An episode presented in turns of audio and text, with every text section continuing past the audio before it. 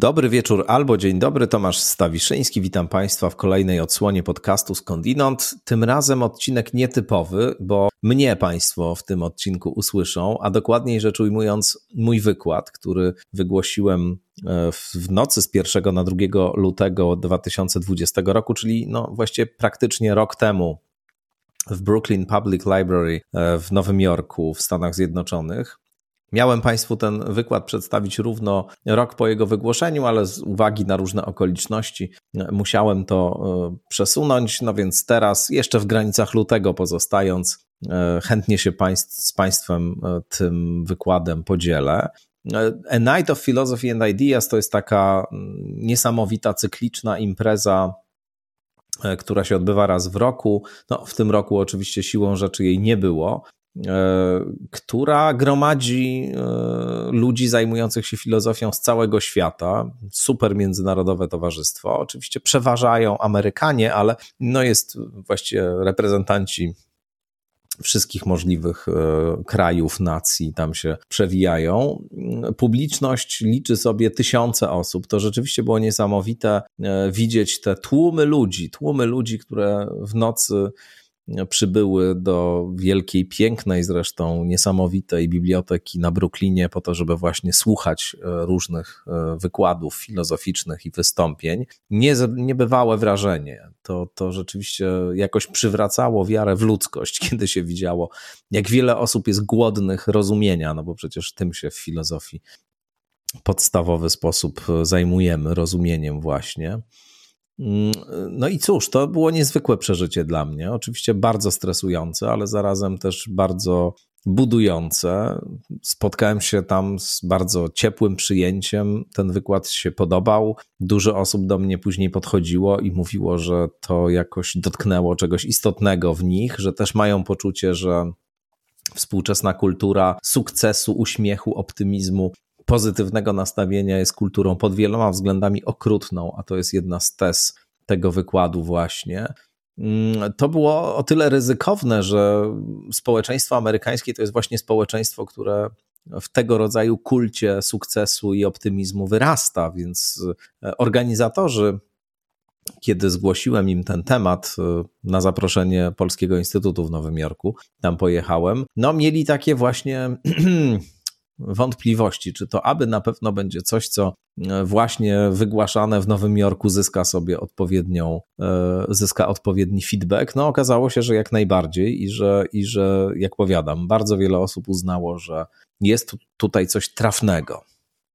Zachęcam oczywiście Państwa do tego, żeby Państwo subskrybowali i e, patronowali temu podcastowi. Można to zrobić na mojej stronie www.stawiszynski.org i też na portalu Patronite www.patronite.pl łamany na skadinat to jest adres tego miejsca, w którym można e, jakichś e, patronowych czynności dokonać. Przypomnę, że dla patronów i dla subskrybentów mamy grupę facebookową, w której prowadzimy różnorakie rozmowy, a dla osób, które mm, wykupują subskrypcję w wysokości albo patronat w wysokości 20 zł i więcej, mamy też specjalny newsletter, który rozsyłam po każdej audycji z informacjami lekturowymi.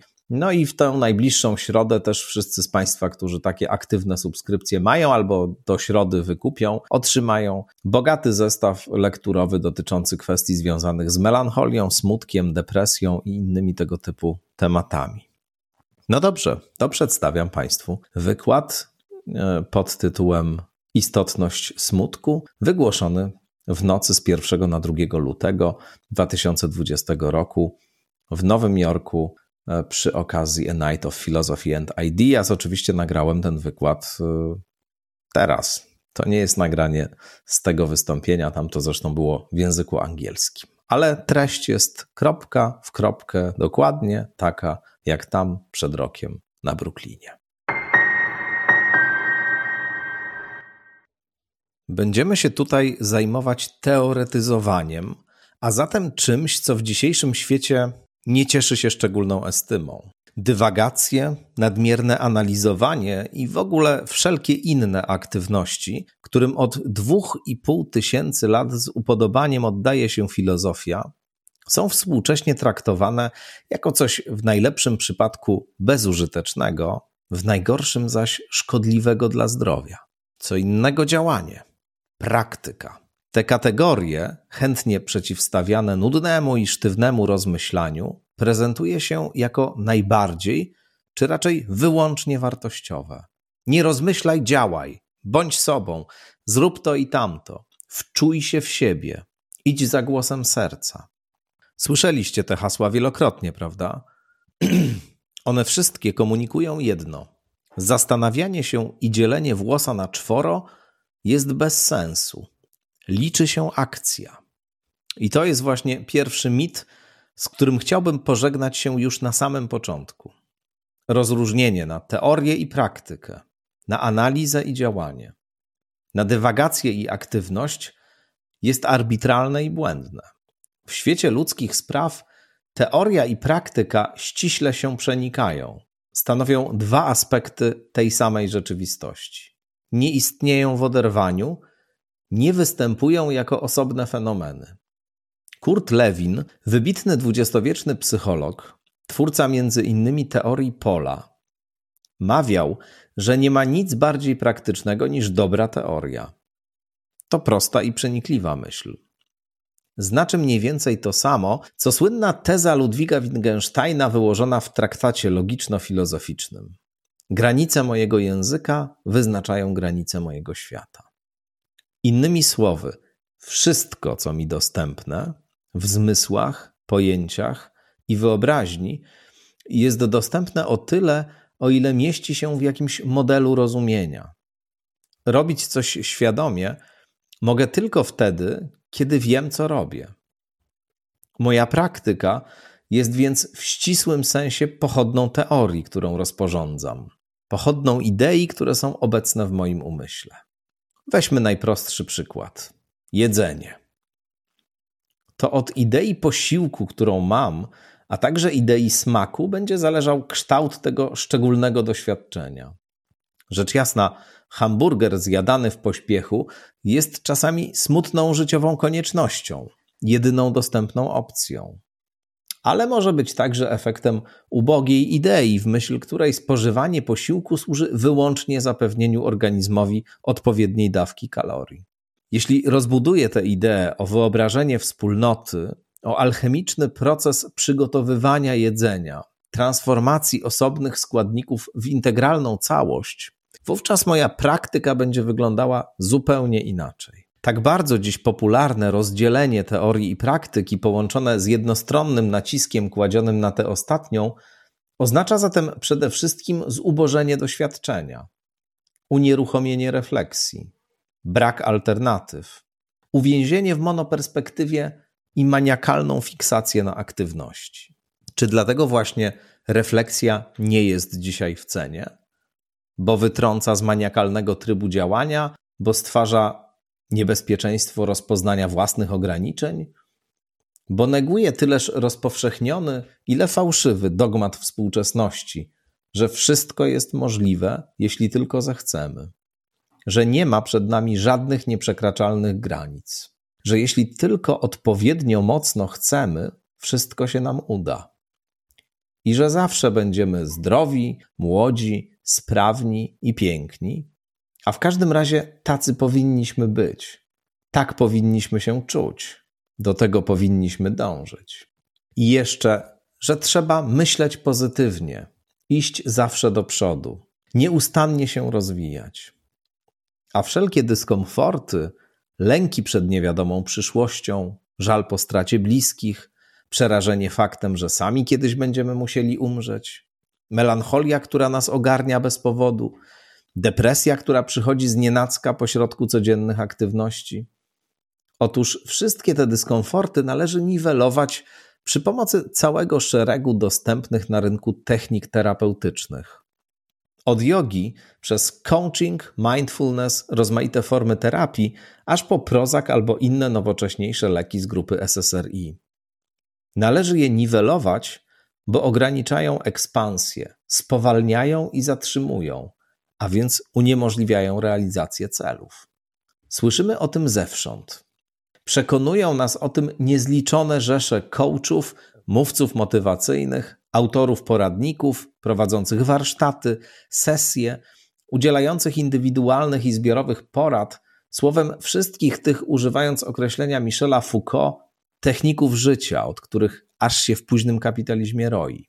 Wszyscy oni oferują nam niezawodne sposoby zdobycia jakichś dodatkowych supermocy, kontroli nad własnym życiem emocjonalnym, lepszych osiągów w życiu seksualnym, miłosnym czy zawodowym i innych takich rzeczy, po to to wszystko, żeby się stać silniejszym i skuteczniejszym, a wreszcie last but not least, lepiej radzić sobie na rynku.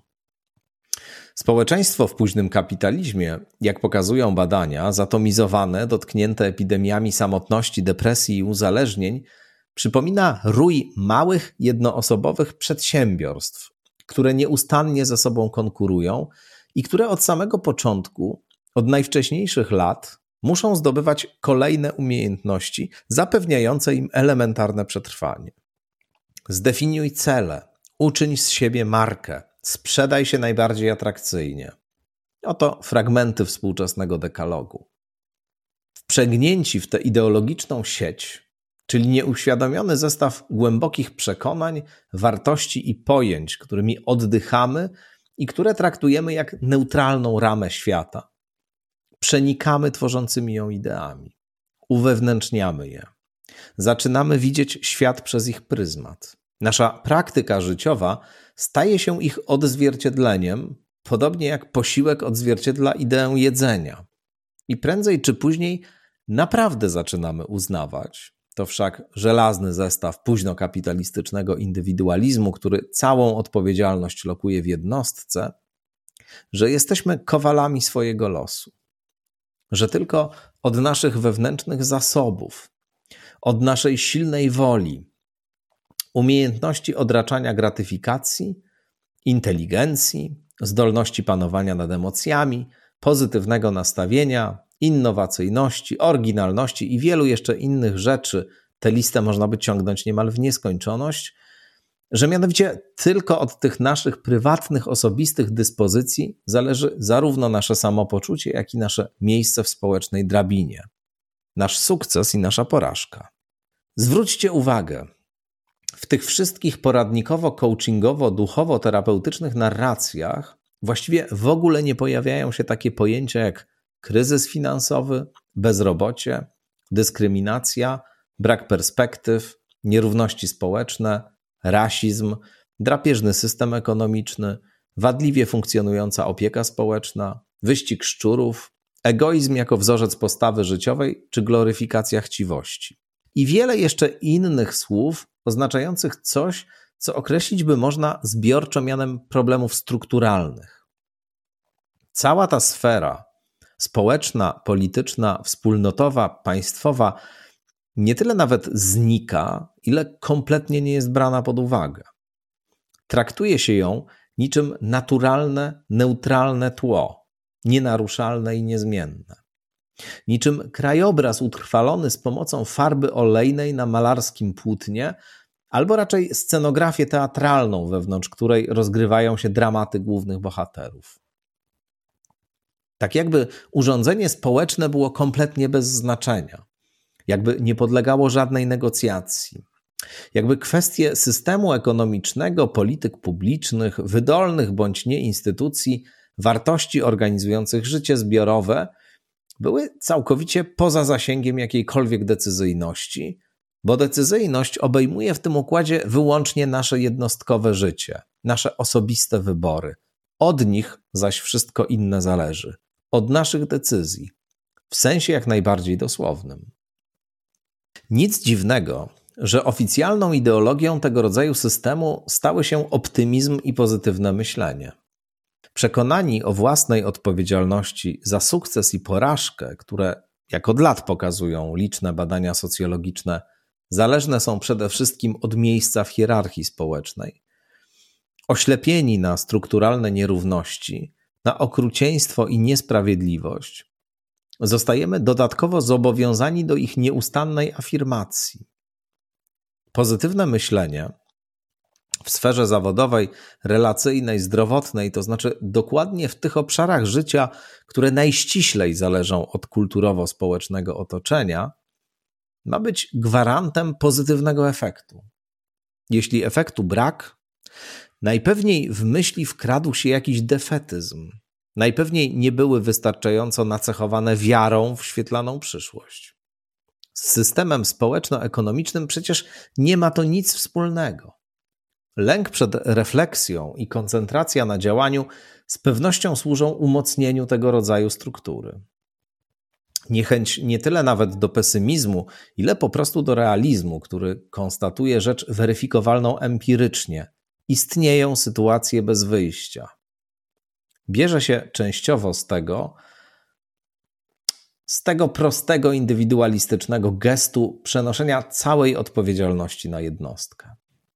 Ale jest w tym coś jeszcze głębszego, coś bardziej podstępnego. A mianowicie milczący zakaz kwestionowania aktualnego kształtu świata. Zakaz podawania w wątpliwość urządzenia społecznego i ekonomicznego, którego ideologia indywidualizmu i pozytywnego myślenia jest zasadniczym pokarmem oraz spoiwem. Zupełnie jak w chrześcijaństwie, gdzie acedia, ta szczególna mieszanka zniechęcenia, gnuśności, zobojętnienia i smutku, spełniająca stuprocentowo kryteria dzisiejszego zaburzenia depresyjnego, postrzegana była i wciąż jest jako efekt działania sił demonicznych, o czym szczegółowo pisał żyjący w V wieku naszej ery jeden z ojców pustyni, mnich o imieniu Ewagriusz z Pontu. Skąd tu analogia? Stąd, że w doświadczeniu acedii ujawnia się coś strasznego, coś nie do pomieszczenia w światopoglądowych ramach chrześcijaństwa. Negacja świata stworzonego przez wszechdobre i wszechmądre bóstwo, mianowicie.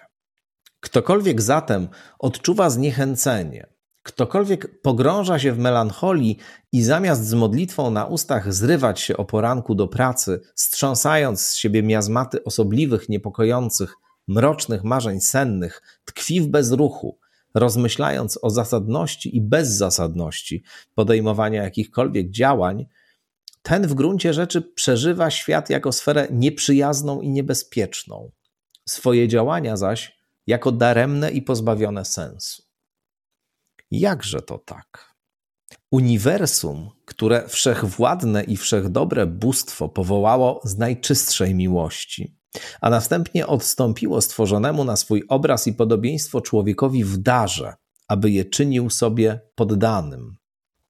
Otóż to właśnie uniwersum widziane jest i odczuwane jako sfera wroga, upadła i niedoskonała? To wszak jest policzek wymierzony bóstwu, gnostycka herezja, niecny potrzebt jakichś demonicznych sił, które starają się w człowieku zaszczepić niechęć do tego, co z definicji jest wspaniałe i godne wyłącznie dziękczynnej pochwały. Dlatego właśnie w perspektywie chrześcijańskiej teologii acedia, czyli po prostu depresja, postrzegana jest jako stan grzeszny i niepożądany. Oczywiście w dzisiejszym katolicyzmie, a także w wielu innych odłamach chrześcijaństwa, rozróżnia się pomiędzy perspektywą medyczną a perspektywą duchową, oddając lekarzowi co lekarskie, duszpasterzowi zaś co duszpasterskie. Jest to, nawiasem mówiąc, rodzaj koniecznego kompromisu, na jaki instytucje religijne, żeby przetrwać, zgodziły się iść z nowoczesnością. Niemniej w pryzmacie teologicznym acedia także dzisiaj widziana jest właśnie jako efekt diabolicznych oddziaływań, a zatem coś, czego ma nie być, co się nie mieści w modelu świata. Co zatem trzeba poddać ozdrowieńczemu działaniu egzorcyzmu albo modlitwy. Analogia pomiędzy chrześcijaństwem a współczesnym kapitalizmem jest naprawdę uderzająca. We współczesnym kapitalizmie obowiązuje doktryna optymizmu, z której bezpośrednio wynika zakaz kwestionowania urządzenia społeczno-ekonomicznego. W chrześcijaństwie natomiast, stanowiącym wciąż zasadniczą strukturę naszego widzenia i doświadczania świata, obowiązuje zakaz acedii, a w każdym razie jej potępienie, jako stanu, który neguje wspaniałość bóstwa. Smutek, Także smutek czy zobojętnienie radykalne, które przybiera postać depresji, należy zatem albo leczyć z pomocą środków medycznych albo rozmaitych duchowo-terapeutycznych technik, albo też poddawać szczegółowym egzorcyzmom. W każdym przypadku odejście od radosnej afirmacji okazuje się czymś niemile widzianym albo wręcz przerażającym. Proces eliminowania smutku i w ogóle trudnych doświadczeń, zarówno ze sfery publicznej, jak i z przestrzeni tzw. Tak jednostkowej normy, opisuje wiele socjologicznych badań i analiz. Świadczą o tym nie tylko coraz bardziej restrykcyjne kryteria diagnozowania zaburzeń depresyjnych pojawiające się w kolejnych edycjach DSM, włączając w to eliminację kategorii normalnej żałoby, niepowikłanej żałoby z aktualnej piątej edycji. Kryteria nienaturalnie poszerzające zakres doświadczeń uznawanych obecnie za patologię wymagającą leczenia. Świadczy o tym także systematyczne przemieszczanie problemów niegdyś wchodzących w zakres odpowiedzialności opieki społecznej w domenę psychiatrii. To znaczy dyscypliny medycznej postrzegającej wewnętrzne stany przede wszystkim jako pochodne poziomu neuroprzekaźników w mózgu, a zatem pozostającej w zgodzie ze wspomnianym modelem indywidualistycznym. Ale świadczy o tym również identyfikowana wielokrotnie, zbadana i precyzyjnie opisana zależność pomiędzy sytuacją życiową a występowaniem tzw. Tak zaburzeń nastroju. Widać to bardzo wyraźnie. U osób, których sytuacja materialna jest zła albo pogarszająca się, Prawdopodobieństwo wystąpienia depresji czy zaburzeń lękowych jest kilkukrotnie wyższe aniżeli u osób, które nie muszą się martwić o zaspokojenie swoich najbardziej elementarnych życiowych potrzeb. Zależność ta zbadana jest na tyle precyzyjnie, że pozwala wykluczyć interpretację, która bywała prezentowana jako alternatywne wyjaśnienie tych korelacji. W myśl tej y, interpretacji, właśnie, ruch miałby być zgoła odwrotny to osoby o predyspozycjach do lęków czy depresji po prostu sobie radzą gorzej na rynku i dlatego ich materialna sytuacja prezentuje się gorzej niż osób zdrowych psychicznie. Dziś wiemy, że jest dokładnie na odwrót, że kierunek jest odwrotny, nie taki jak przed chwilą powiedziałem. Co to jednak de facto oznacza? Ni mniej, ni więcej, że trudne emocje, w tym także rozpacz, melancholia czy depresja, ze wszystkich sił eliminowane ze współczesnego kulturowego krajobrazu, stanowią coś w rodzaju papierka lakmusowego, radaru, który sygnalizuje nam szereg istotnych rzeczy o naszym położeniu w świecie, o urządzeniu tego świata, o porządkach, jakie w nim panują. A być może także, no, to już jest teza ściśle filozoficzna, coś o samej naturze istnienia, a w każdym razie o ludzkiej kondycji. Podsumujmy. Dwie zasadnicze siły działające w dzisiejszej rzeczywistości, siły toczące walkę o rząd dusz, religia i rynek, oceniają smutek jednoznacznie negatywnie. W perspektywie religijnej, powtórzmy, jawi się on jako emocja podająca w wątpliwość wspaniałość boskiego stworzenia, a zatem pośrednio i samego Stwórcę. W perspektywie rynkowej z kolei, która wyraża się w coraz bardziej ekstremalnych definicjach pomieszczonych w kolejnych edycjach klasyfikacji DSM, radykalnie tych definicjach radykalnie poszerzających kryteria diagnostyczne zaburzeń depresyjnych, eliminujących pojęcie normalnej żałoby. Otóż e, w tych e, kolejnych, e, w tej perspektywie jawi się ów smutek jako niedyspozycja paraliżująca produktywność i efektywność, uniemożliwiająca działanie, aktywność, realizowanie celów, powodująca niezdolność do pracy. A przecież wiadomo, że kto nie pracuje, kto nie generuje PKB, ten w dzisiejszym świecie praktycznie rzecz biorąc nie istnieje. No, z wyjątkiem tego wąskiego procenta najbogatszych ludzi świata, którzy sami nie muszą pracować, bo inni pracują na nich. To jednak, tak jak wspomniałem, zaledwie niewielki ułamek. Przeciętny obywatel czy obywatelka muszą chodzić do pracy, żeby zarabiać pieniądze, żeby z kolei móc zaspokoić zupełnie elementarne życiowe potrzeby. Wie o tym każdy, kto kiedykolwiek doświadczył zerwania ciągłości finansowej. Kiedy karty i subskrypcje przestają działać, kiedy nie ma funduszy na opłacenie czynszu, kiedy zakup jedzenia wydaje się radykalnym wydatkiem, wówczas przed człowiekiem odsłania się cały ten niewidoczny krwiobieg współczesnego świata. Nie trudno zauważyć, że melancholia, smutek czy wreszcie depresja, melancholia w formie najbardziej dotkliwej, spełniają w ustroju kapitalistycznym dokładnie tę samą funkcję, co w wizji chrześcijańskiej. Odbierają chęć do działania, kwestionują doskonałość urządzenia społecznego. A wreszcie, na głębokim poziomie, negują sens wszystkich tych czynności, które prezentuje się jako nie tylko konieczne środki zdobywania pieniędzy, ale i teren samorealizacji, rozwoju, urzeczywistniania wartości znacznie bardziej wzniosłych aniżeli te czysto pragmatyczne. Z perspektywy widać już wyraźnie prawdziwość diagnozy powtarzanej zarówno przez socjologów, psychologów, jak i historyków kultury, na przykład francuskich myślicieli Filipa Ariesa i Michela Wowela. Brzmi ona: Smutek i żałoba są z dzisiejszej kultury wypierane. Po prostu nie ma tu dla nich miejsca. Cały system instytucji oraz narracji, które organizują ich działanie, zarządzany jest przez podstawowy dogmat efektywności. Pracownik powinien jak najszybciej pozbyć się trudnych stanów emocjonalnych, a w każdym razie opanować je w takim stopniu, żeby w jak najkrótszym czasie móc wrócić do pracy. Dlatego właśnie nieustannie poszukuje się coraz skuteczniejszych leków, coraz krótszych i bardziej skondensowanych technik terapeutycznych, słowem coraz szybciej i efektywniej działających środków, które zniwelują złe samopoczucie i pozwolą na powrót do aktywności. A jednak statystyki są obezwładniające. Zachodnie społeczeństwa dotknięte są epidemią depresji, samotności, uzależnień i samobójstw. Pomimo wszechobecnej propagandy sławiącej efektywność, stajemy się coraz bardziej nieefektywni. Pomimo pragnienia sprawczości, nasz wpływ na własne życie systematycznie się pomniejsza. Wciąż żywe, a wydawałoby się dawno już odesłane do lamusa przez współczesną neuronaukę, kartezjańskie wyobrażenie ludzkiego ja jako racjonalnego, przejrzystego i podległego rozkazom woli okazuje się fałszywe także w naszym codziennym doświadczeniu.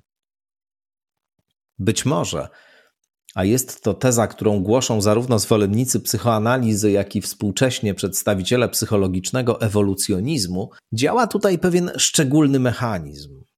Polega on na tym, mówiąc w drapieżnym skrócie, że kiedy w kulturze, a zatem w symbolicznej i pojęciowej sieci, w której na co dzień funkcjonujemy, brakuje przestrzeni na doświadczanie i wyrażanie trudnych, ciemnych emocji czy stanów, wówczas powracają one w formie drastycznej i radykalnej i zupełnie nas obezwładniają.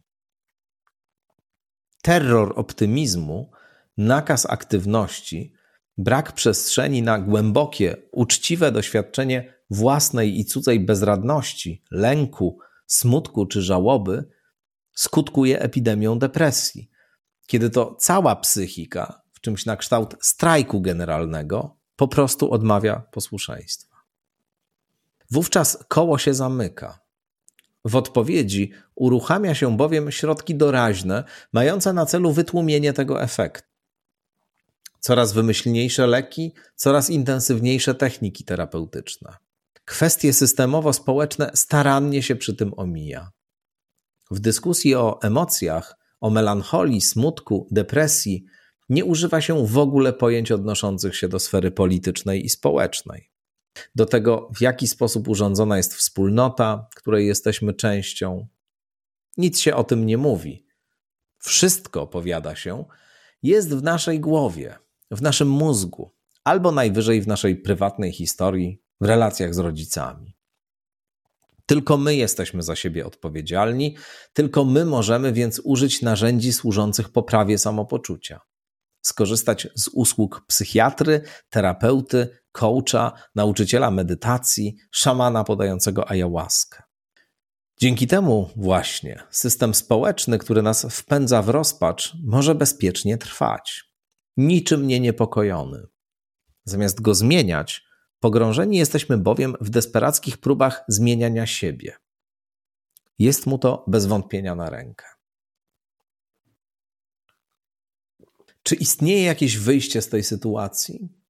Czy konkluzją niniejszego wywodu będzie teraz jakieś konkretne, praktyczne rozwiązanie, pomocne w procesie wychodzenia z zaklętego kręgu, w którym tkwimy często nie zdając sobie z tego sprawy? No, nic podobnego nie przygotowałem. Nie tylko dlatego, że nie istnieją proste rozwiązania skomplikowanych spraw, ale przede wszystkim dlatego, że konkludowanie, podawanie praktycznych wskazówek, stawianie problemów, a następnie proponowanie rozwiązań jest nieodłączną składową stylu myślenia, który poddaje tutaj krytyce. Po prostu. Nie z każdej sytuacji jest wyjście. Nie wszystkie problemy da się rozwiązać, nie na wszystko można mieć od razu odpowiedź. Nie zawsze też da się działać. Czasem da się wyłącznie myśleć, teoretyzować, wypowiadać nagłos wątpliwości. Bez konkluzji, bez jasnej porady, co począć. Kolejną nieodłączną manierą dzisiejszej debaty publicznej jest apodyktyczne wymaganie, aby każda krytyka przychodziła w towarzystwie sprecyzowanego, zdefiniowanego alternatywnego rozwiązania. Jeśli wyrażasz sprzeciw, daj coś w zamian. Cóż, czasami nic nie ma w zamian. Czasami ważny jest tylko sam sprzeciw, poczucie, że coś jest nie tak, że sprawy idą w złym kierunku. Czasami jest to pierwszy warunek zmiany, o ile zmiana jest akurat możliwa. A zatem jeszcze raz. Nie z każdego kryzysu jest wyjście. Nie z każdym problemem jesteśmy sobie w stanie poradzić. Istnieją takie życiowe sytuacje, które nieodwołalnie nas łamią, nas albo naszych bliskich.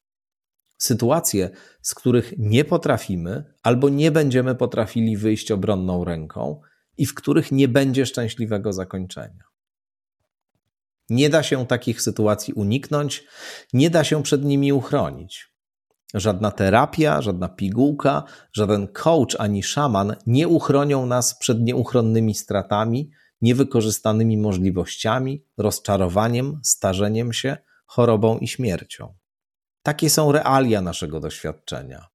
Tak wygląda życie, kiedy już odkładamy smartfona albo laptopa, zamykamy kolejny poradnik głoszący, że siłą woli da się przenosić góry, kiedy budzimy się w środku nocy, zaniepokojeni, przerażeni i przybici, i nagle cała nasza kruchość, bezradność, skończoność, tymczasowość i ulotność nieodwołalnie stają nam przed oczami.